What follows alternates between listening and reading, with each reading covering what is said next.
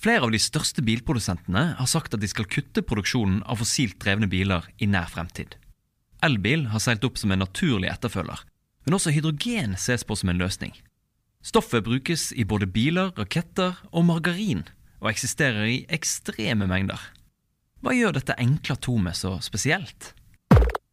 Hydrogen er det første grunnstoffet i periodesystemet. Et grunnstoff er et stoff som består av én type atomer, og hydrogen det er det aller enkleste vi kjenner til. Pga. stoffets enkelhet kobler det seg lett til andre grunnstoffer. Faktisk så er hele 75% av universet bestående av hydrogen, og i nesten alle kroppens celler vil du finne grunnstoffet.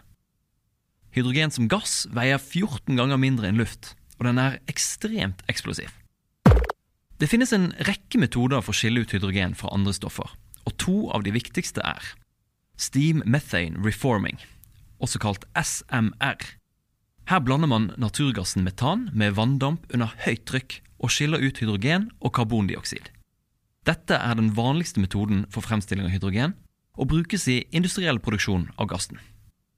En fordel med denne metoden er at CO2 fra metangassen kan lagres på stedet, og slik unngår man CO2-utslipp til atmosfæren.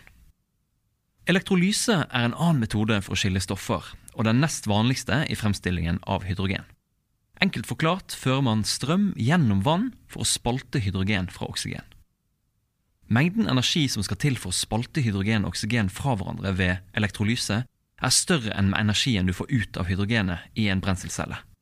Altså vil det ikke være spesielt miljøvennlig å bruke elektrisitet produsert av f.eks. kull til å produsere hydrogen.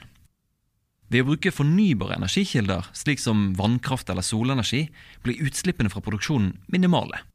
Samtidig så må det være en grunn til å lagre energien som hydrogen, og ikke sende den ut på strømnettet.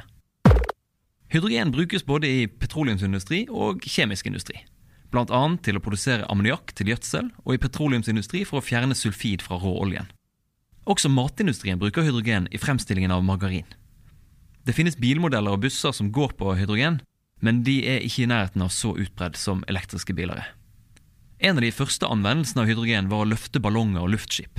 Fordi gassen har en ekstremt liten tetthet, er mye lettere enn luft. Denne bruken av gassen stoppet imidlertid i 1937 da hydrogen i luftskipet Hindenburg eksploderte mens skipet var i luften. Derimot så man et annet potensial for det eksplosive stoffet. NASA har brukt en blanding av flytende hydrogen og oksygen til å skyte raketter ut fra atmosfæren. Å produsere hydrogen til drivstoff koster mer enn det smaker. I 2004 var kostnaden ved å produsere hydrogen ved hjelp av metan eller elektrolyse hele tre til seks ganger kostnaden for en tilsvarende mengde energi fra naturgass. Vi vet at det er rimeligere å produsere hydrogen i stor skala, men med en gang man skalerer ned produksjonen, slik som f.eks. i en bil, så endres kostnadsbildet fundamentalt. Hvis etterspørsel og tilbud etter naturgass og elektrisitet endrer seg i framtiden, vil det selvsagt også endre attraktiviteten til hydrogen. Hydrogen er foreslått som erstatning for fossile brennstoff, i f.eks. biler og andre transportmidler. Fordelen er selvsagt at hydrogen er bærekraftig, og det eneste utslippet blir vann. Slik teknologien er i dag, finnes det flere ulemper.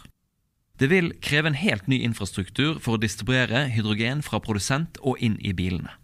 Og dette må være trygt og samtidig kostnadseffektivt. Husk at hydrogen er svært eksplosivt. Hydrogen gir ikke like mye energi per liter som petroleumsprodukter.